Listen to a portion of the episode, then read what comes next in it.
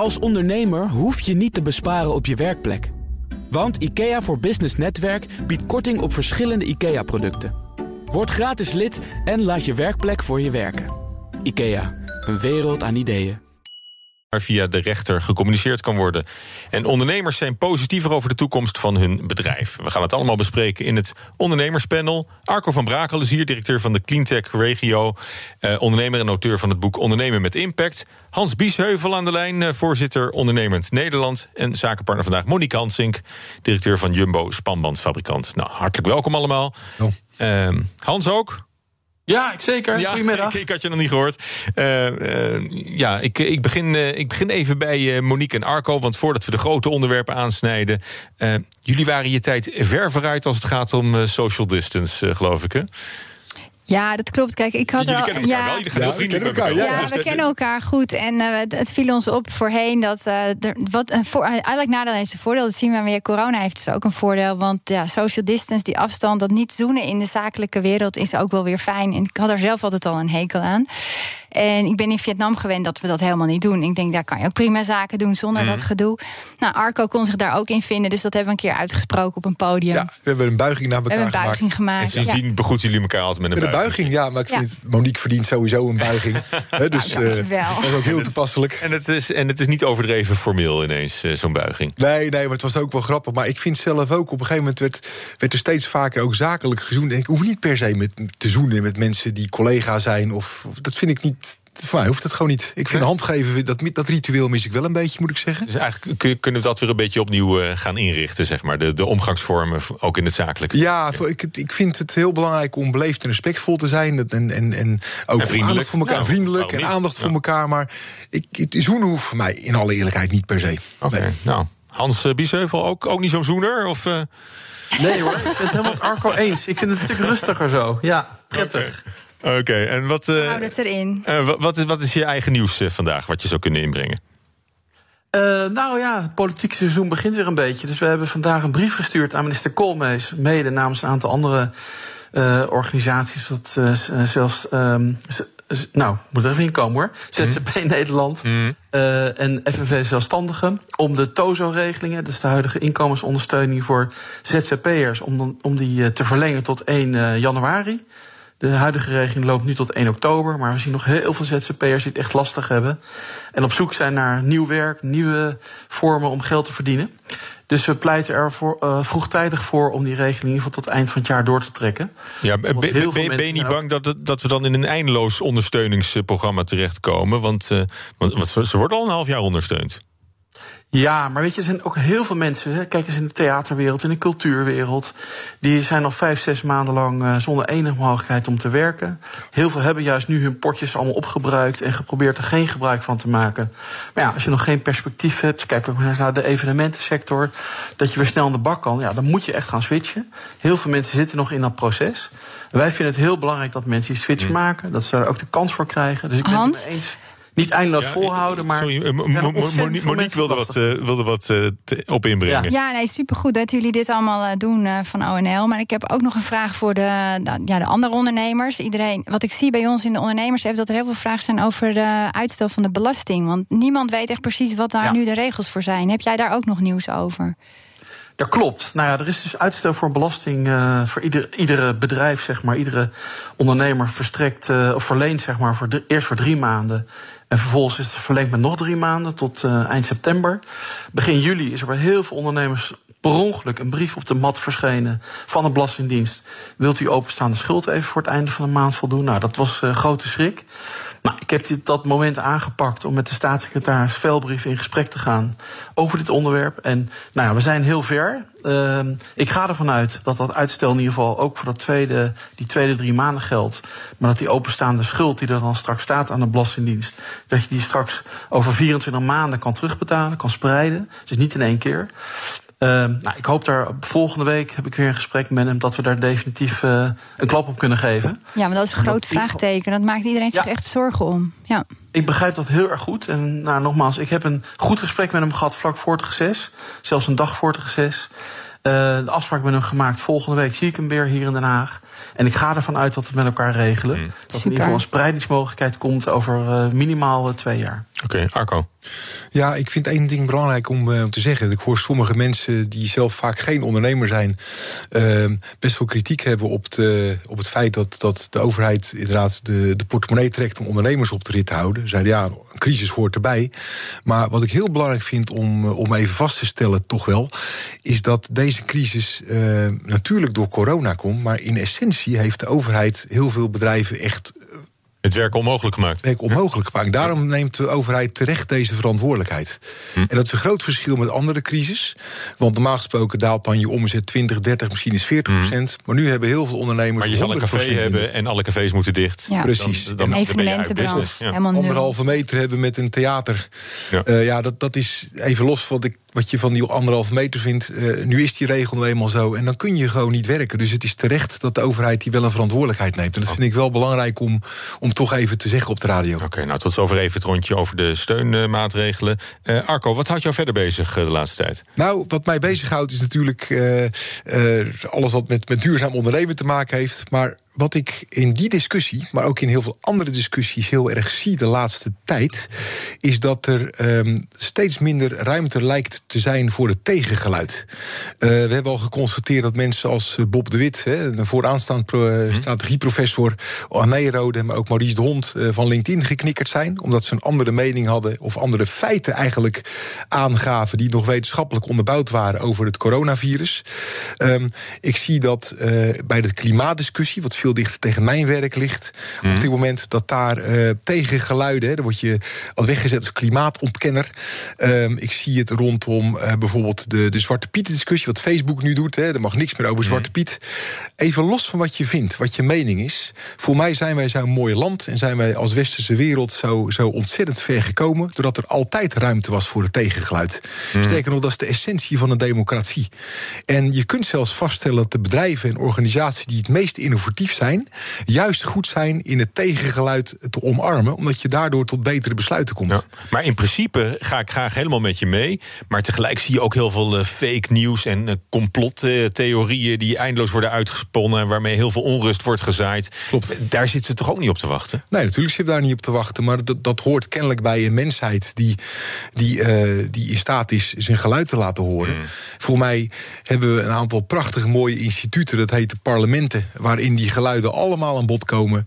Um, en laten we als, als media, als sociale media, gewoon ruimte geven aan de geluiden. En zodra het niet binnen de wet is, moet je er wat aan doen.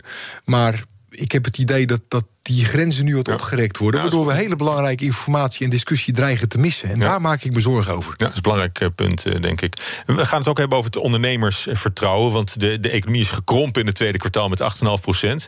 Maar het ondernemersvertrouwen, volgens het eh, CBS... daaruit blijkt dat ondernemers een stukje minder pessimistisch zijn geworden... In het, voor het derde kwartaal 2020. Het ondernemersvertrouwen was min 37 is nu min 19. Nog steeds uh, negatief. Uh, geen reden voor een feestje, maar wel een forse verbetering. Dus als je kijkt naar de richting van de beweging, is dat misschien uh, hoopgevend. Is dat wat jullie in, in je omgeving ook zien? Ja, nou moet ik er ook bij zeggen dat gelukkig maar ondernemers altijd wel weer positief zijn. Want als, als de ondernemer zelf niet positief is, dan uh, wordt het uh, helemaal lastig. Dus gelukkig weten ze die zich altijd wel weer kansen te zien en uh, om het bedrijf weer vlot te trekken. Maar um, ja, er zijn heel veel ondernemers positief. Sommigen profiteren natuurlijk ook van deze situatie. Maar er is ook een hele grote groep die die, die overweegt er om er maar mee te stoppen. Mm. Omdat het ondernemen onmogelijk wordt gemaakt. Ja, Arco, jij is ook. Er is wel wat licht aan het eind van de tunnel. Ja, ik, ik zie wel, zelfs in de retailsector, zelfs bij een paar bevriende modeondernemers, zie ik uh, het optimisme wat terugkomen. Het is natuurlijk een slechter jaar, maar waar twee maanden geleden een vriend van me die. Ik, ik dacht echt, nou, die, zijn mondhoek hangen op zijn schoenen. Mm. Uh, zo somber keek hij. Maar hij is nou weer een beetje positiever aan het worden. Want de omzet trekt aan, de klanten komen terug. Um, we zijn er nog lang niet. En ik ben met Monique helemaal eens. Sommige ondernemers, ja, is het gewoon heel erg lastig. En Hans noemde dat mm. net ook uh, in, in, de, in, de, in, de, in de kunstsector natuurlijk heel erg. Maar je ziet steeds meer ondernemers toch weer wat licht in de tunnel zien. En dat, mm. dat is denk ik goed. Want dan, dan je hebt optimisme nodig om, om de goede keuzes te kunnen maken. Ja, nou, Monique. Ik ben het helemaal mee eens hoor. Sorry, Jan. Ja, sorry, maar ik ben nog even één puntje kwijt. Kijk, het hangt natuurlijk wel heel erg vanaf waar je zit. Hè. Kijk, ik had van de week de kermisondernemers op bezoek. Nou ja, nog maar 10% van de kermis in Nederland gaat door. En die mensen hebben al bijna een jaar lang geen omzet. Dat had ook een beetje met seizoen te maken. Of kijk in de evenementensector. Ik bedoel, ik ben zelf betrokken bij een theater wat al zes maanden dicht is. En we hebben nog geen idee of het in september open kan. Dus het hangt er nog ontzettend van af uh, waar je zit. Maar ja, er zijn ook inderdaad positieve geluiden. Kijk eens naar de strandtenthouders. Nou, die helden in het voorjaar. En die hebben nu echt top omzetten dankzij fantastisch mooi weer. Dus het, het is al een heel wisselend sentiment. Uh, zo ervaar ja. ik het in elk geval. Ja. Maar goed, en dan, en dan blijft toch altijd een beetje die, die donkere wolk. Komt er een tweede golf? Ja. Wat, wat, wat dan, ja, dan is het alsnog helemaal weggevaagd, denk ik. Ik denk dat, er, van het optimisme. dat er een paar sectoren zijn die geen tweede golf kunnen hebben. En ik weet ook niet zeker of we als Nederland dan ons nog een keer zo'n grote steunactie kunnen veroorloven. Mm. Uh, dat kan ik niet beoordelen. Daar ben ik geen niet deskundig genoeg voor, moet ik eerlijk zeggen. Maar ik denk dat ondernemers een tweede lockdown niet kunnen hebben, in alle ja. eerlijkheid. Nee, en ook gewoon psychisch niet. Want daar heb je eigenlijk ook gewoon helemaal geen uh, zin in. Dus uh, we willen gewoon natuurlijk door. Ja, ja ik denk dat de veerkracht ook uh, ja, maximaal beproefd is intussen. Dus het, het, elastiekje is wel, is wel helemaal, helemaal opgerekt. Zaken doen. Ja, we zitten midden in het ondernemerspanel. Vandaag met Hans Biesheuvel, voorzitter van Ondernemend Nederland. Arco van Brakel, directeur van de Cleantech-regio. Ondernemer en auteur van het boek Ondernemen met Impact. En mijn zakenpartner vandaag Monique Ansink, directeur van Jumbo, spanbandfabrikant. We gaan eens kijken naar die, naar die brillenoorlog. Hè. Het is oorlog in brillenland. De overname van Grand Vision, het moederbedrijf van Pearl en van iWish... door Essilor Luxottica, de maker van de Ray-Ban en de Persol zonnebrillen... En uh, gewone brillen is, is echt een, uh, juridische, ja, een juridisch straatgevecht geworden. Wordt van beide kanten flink met modder gegooid. Grand Vision kreeg de deurwaarders al, al op bezoek. Het is natuurlijk een situatie waar je nooit, nooit in verzeild wil raken. Hè? Van hoe, wat, moet je doen als een overname-situatie? Ik weet niet of, of, jullie dat bij de hand hebben gehad in het bedrijf. Ik denk het wel. Maar als dat zo verzuurt dat je echt voor de rechter komt. Ja, Kijk, dit, dit, dit komt natuurlijk niet meer makkelijk goed. Um, kijk, wat ze natuurlijk moeten doen, uh, is, is fatsoenlijk met elkaar in gesprek blijven. Nu zie je dat het een juridisch gevecht is geworden. Nou, in, in een rechtszaak ga je geen onderneming runnen of redden. Maar wat ik wel heel vreemd vind van dit hele verhaal, is dat er een coronacrisis is. Die natuurlijk ontzettend in de omzet heeft gehakt van, mm. van ook brillenwinkels. Opticiens mochten gewoon simpelweg niet werken, hè? vergis je niet. Dus er is een hele duidelijke externe oorzaak waardoor het even wat minder goed gaat. Ik zou dan zeggen, joh, als je echt deze overname wil, uh, structureer hem wat anders en laat hem wel doorgaan. Want de strategische redenen zullen niet veranderd zijn door een coronacrisis. En nu lig je op straat, waardoor dus ook de, de hele moraal om verder te gaan met deze samenwerking. Ik denk de medewerkers geen eens meer willen. Dus de kans dat het nu nog een succes wordt. Stel dat ze nog uitkomen, is zo klein. Je moet zoveel herstelwerk doen. Waarom laat je het zo ver komen terwijl de oorzaak gewoon duidelijk is? Ja, Hans, eh, zie jij nog een uitweg uit dit soort uh, conflict situaties? Nou ja, kijk, dit zijn natuurlijk hele grote wereldspelers... Hè, die waarschijnlijk met uh, nou ja, hele grote, dure advocaten en, en accountskantoren werken. Maar ja, ik heb op mijn eigen schaal een paar keer meegemaakt... Hè, met overnames en fusies en dat soort dingen... dat soms stroef kan gaan. In het begin ben je enthousiast. En op een gegeven moment moet, komt er een due diligence komen... en moet je gaan praten over, hè, over moeilijke contracten... over allerlei zaken die je nou, normaal gesproken niet gewend te bespreken. Ja, en, en wat er vaak gebeurt, wat ik vaak heb meegemaakt... is dan toch die adviseurs... Hè, van beide kanten, die raken met elkaar dan in de clinch. En dan zeg maar degene die, waar het eigenlijk over gaat, hè, de, de eigenaar of de ondernemers, die raken dan een beetje uit beeld. En die hebben dat nooit gewild, waarschijnlijk. Die vaak nooit gewild. Ik heb twee keer meegemaakt dat op een gegeven moment liep het ook een beetje uit de hand. Op een gegeven moment heb ik toen, uh, nou ja, zeg maar de andere kant gebeld. De ondernemer gezegd, laten we samen gewoon eens een keer goed glas drinken en eens even heel goed praten. Uh, want ja, waarom wilden we deze fusie ook alweer? Of deze samenwerking ook alweer? Of deze overname ook alweer? En dan ben ik het helemaal met Arco eens. Ze hebben het als mannen, zeg maar even om het zo eens uit te drukken, uitge, eh, als ondernemers uitgepraat. Soms vrouwen. snel de deal gedaan. Ja. Maar dat praten en met elkaar terug naar de basis. Gewoon bellen. Nou, ik kan, me, ik kan me voorstellen dat je het idee hebt dat je niet meer mag of kan bellen, omdat, omdat er advocaten tussen zitten. Ja, ja maar, maar die maken je bang. Dat is mijn grote bezwaar vaak tegen die processen. Die maken je bang.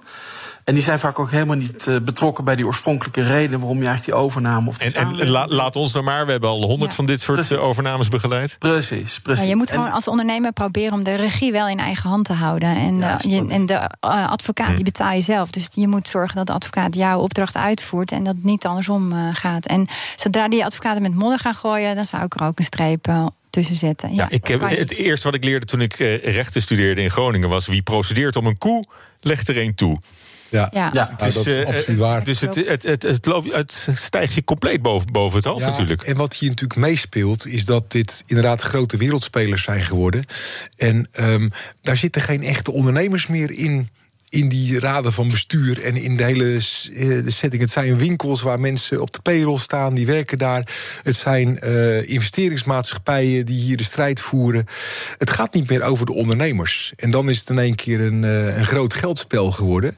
Over de rug van in eerste instantie de klant. En in tweede instantie alle medewerkers van deze organisaties. die hier natuurlijk heel veel last van hebben. Ja, maar hoe, hoe, erg kan het, hoe erg kan het worden? hè? Hebben jullie wel eens bedrijven gezien die door, die- die door de juridische kosten na zo'n geschil eh, gewoon omvielen? Kan, kan je eraan kapot gaan aan dit soort. eh, Nou, uiteindelijk denk ik, uiteindelijk kom je natuurlijk bij de ondernemerskamer terecht eh, in Nederland dan met een conflict. En dan wordt gewoon het bedrijf overgenomen. Want die gaan voor Hmm. de duurzaamheid van het bedrijf. Dus dan wordt daar wel op gelet. Dan komt er een mediator en uiteindelijk wordt het geschil dan wel opgelost. Maar dat levert alleen maar verliezers op. Maar ehm, dat er iemand is omgevallen, dat heb ik eigenlijk nog niet eerder gehoord. Ja, maar ik denk wel dat je enorme kosten moet gaan maken. Als deze fusie nog doorgaat, dan is er zoveel schade aangericht. Ook in de motivatie van de mensen. Dat je nu al kunt voorspellen dat er een enorme interne gerichtheid komt. om beter samen te werken, om de, de wonden te helen. En het gaat gegarandeerd ten koste van de klant. Dus ten koste van de omzet. De foutenmarge gaat omhoog. Er zal meer misgaan. Dus die gaan een, per- een periode van twee jaar minstens van grote problemen in. En ik denk dat heel veel geld gaat kosten. Ja. Dat kan je gewoon voorspellen. En, en dan gaat het nu nog om een paar hele grote wereldspelers. Want je kan er ook van een afstandje van zeggen: van, nou, laat ze dat ook maar uitvechten. Hè, het groot kapitaal. eh, Dat doet niemand echt persoonlijk pijn. Dat is ook waar. Zoiets. Ja. Maar te- tegelijk. Behalve de eh, medewerkers en de mensen in de nou winkel. Ja, uiteindelijk wel, ja. Ja. En, maar die hele coronacrisis heeft, schudt de markten natuurlijk ook behoorlijk op. Hè. De, verwachten jullie nou dat er binnenkort veel meer overnames te verwachten zijn? Omdat er bedrijven in zwaar weer zijn gekomen... Die, waarvoor eigenlijk de enige manier om het te redden nu nog is zich te laten overnemen? Ja, ik denk het wel. Ik weet niet wat, wat, eh, wat Monique en Hans zien, maar ik ken een aantal ondernemers. Als ze het nu kunnen verkopen, doen ze het. Zelfs als ze daar niet zoveel mee verdienen. Ja, Ja, nou ja, de druk is natuurlijk hoog. Hè? En er komen natuurlijk ook heel veel ondernemers achter dat het, ja, het ondernemen in eh, goede tijden is makkelijk. Hè? Maar in dit, dit soort tijden is het ook heel erg ingewikkeld. En die kunnen niet altijd of willen niet altijd meer die verantwoordelijkheid en die druk aan. Je ziet ook ondernemers die waar het relatief goed gaat. Hè. Zie je bijvoorbeeld bij heel veel familiebedrijven. Die hebben, nou, zijn vaak goed ge- ge- gefinancierd, gecapitaliseerd. En die denken, ja, dit is ook een moment om kansen te pakken. Eh, hè, en inderdaad een paar gerichte overnames te doen. Dus ik denk, ik verwacht dat er dat in die sfeer wel heel veel gaat gebeuren de komende tijd. Ja, maar misschien, eh, misschien ze ook wel eh, van de kant van private equity of zo. Dat, dat die denken Zeker. van, nou, dit, dit is misschien eh, voor een koopje. Dan kunnen ze precies in, in, in vijf, zeven jaar eh, kunnen ze dat bedrijf weer, eh, Ja. weer helemaal gezond maken. Mijn tip is eigenlijk sterker ook nog, kijk, wel... voor private equity is dat het model. Hè. Kijk, ze willen natuurlijk Ja. eh, waarde creëren. Dus ze kunnen nu laag instappen. Hebben ze natuurlijk wel, moeten ze natuurlijk wel mensen hebben, ondernemers hebben, managers hebben... die het dan volgens ook kunnen waarmaken. Want dat is bij private equity op dit moment het lastigste.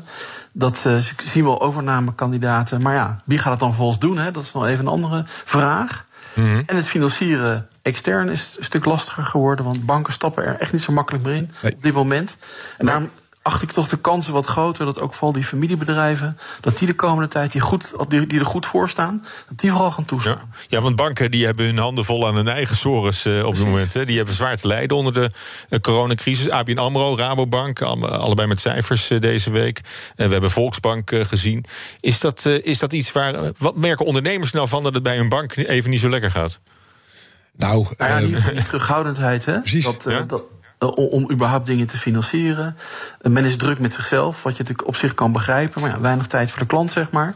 En ik denk dat we zuinig op die banken moeten zijn. Want we hebben er niet zo heel veel in Nederland. Kijk, je noemt net vier namen op. Maar één daarvan, Volksbank, financiert niet echt MKB'ers, Nee. maar ondernemers. Hè. Dus je Nee. moet eigenlijk van die drie grote banken hebben. Ja. Ehm, dus ja, we moeten er ook een beetje zuinig op zijn. Want voor een goed ondernemersklimaat hebben die banken kei en keihard nodig. Ja. Maar ik zie toch wel dat de banken best veel ondernemers eh, geholpen hebben. Want die cijfers zijn ook hoog. Die ken ik niet uit mijn hoofd. Maar vanuit de bank weet ik dat daar echt veel aandacht aan wordt besteed. Maar dat ze intern gericht zijn is ook zo. Want ze willen van hun kantoren af. Ze willen online, meer online gaan aanbieden. Dus dat is nog een hele kluif. En aan de andere kant, dit zijn allemaal voorzieningen. Hè. Dus als de economie een beetje doordraait, dan komen die voorzieningen volgend jaar weer vrij. Ja, en, en er was er ook nog het verhaal van ondernemers die nu een brief krijgen van de bank. En dat is dan weer minder gunstig. Dat de bank niet met ze verder wil. Dat de, de, de, de, rekening wordt, uh, wordt opgeheven. ABN AMRO bedoel je ja. nu? Ja, precies. Dat is wel opvallend. Want jij zegt net, Hans, zijn nog een paar grote banken die dit doen voor ondernemers. Maar ABN AMRO... Waar ga je dan nog terecht? Toch een beetje terugkrabbelen. En ik weet dat sommige mensen binnen ABN AMRO... Ik heb toevallig even uh, twee mensen gesproken. Die vinden het echt heel jammer. Want die willen wel die aandacht aan die klant mm. geven. Die genieten ook van het werk. Hè? Het is, we kunnen natuurlijk heel veel negatiefs over banken zeggen. Dat hebben we meer dan genoeg gedaan. Uh, maar in dit geval ben ik met Monique eens... dat, dat er ze best wel vaak onderdeel van de oplossing zijn geweest... Ja. de afgelopen tijd. Hm. Dat moet je ze echt nageven. Um, en dat, dat ook echt die aandacht voor de klant... juist aan terugkeren was bij, uh, bij banken. Dus ik, ben, uh, ik vind het jammer dat ABN AMRO deze move maakt. Het is ook een beetje een icoon wat verdwijnt. Hè? Nu uit het ABN AMRO-kantoren. Mm. Het is toch een beetje geruststellend als je dan in Singapore of waar dan ja. liep... en zag je ABN AMRO. Oh, nou, met heel veel zin mijn bank daar. Het is, ik denk ja, dat je het toch niet moet onderschatten. Wat ja, het doet voor ondernemers. Maar dat is wel verleden tijd. Uh, dat is verleden tijd, ja. Dus dat, uh, dat, uh, dat, dat is dan niet meer. En ook als ze met het, met het zakenbankieren en het begeleiden van beursgangen... en de hele corporate finance, dat ze dat, dat, ze dat ook gaan, gaan terugbrengen. Nou, ik ben bang dat het van vooral straks bij die meer Anglo-Saxische banken komt te liggen. Want die hm. blijven dat wel goed doen.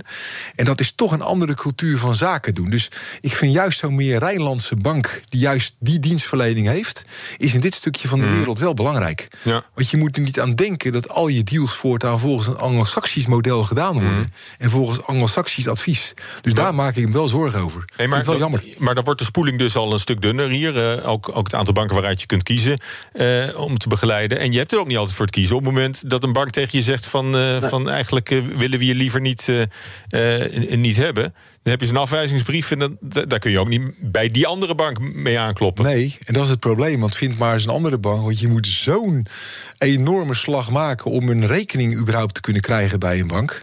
En als je internationaal zaken doet, is dat moeilijker. Dan gaan ze al je transacties bekijken. Wij moesten wel eens een keertje. En, uh, wij kregen rekeningen in Brazilië. Natuurlijk, ik heb, ben natuurlijk aandeelhouder nog in een internationaal bedrijf.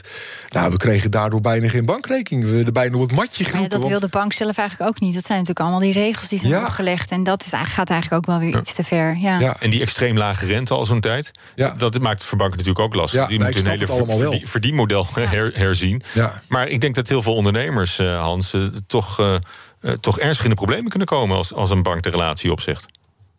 Nou ja, zeker. En als je natuurlijk die brief binnenkrijgt, dan is het eigenlijk al gebeurd. Hè? Want ze komen daar echt niet op terug. Nou ja, stel je zit bij ABN AMRO hè, en je krijgt zo'n brief binnen. Nou, je gaat naar ING of naar Volksbank. Of Rabo. Nou, de eerste reden, hm? eerste, of Rabo. En de eerste vraag zal zijn, goh, waarom belt u zich aan? Ja, ik ben afgemeld bij ABN AMRO. Nou, reken erop, je kom je echt niet binnen. Dus dan ben je echt gezien uh, als bedrijf.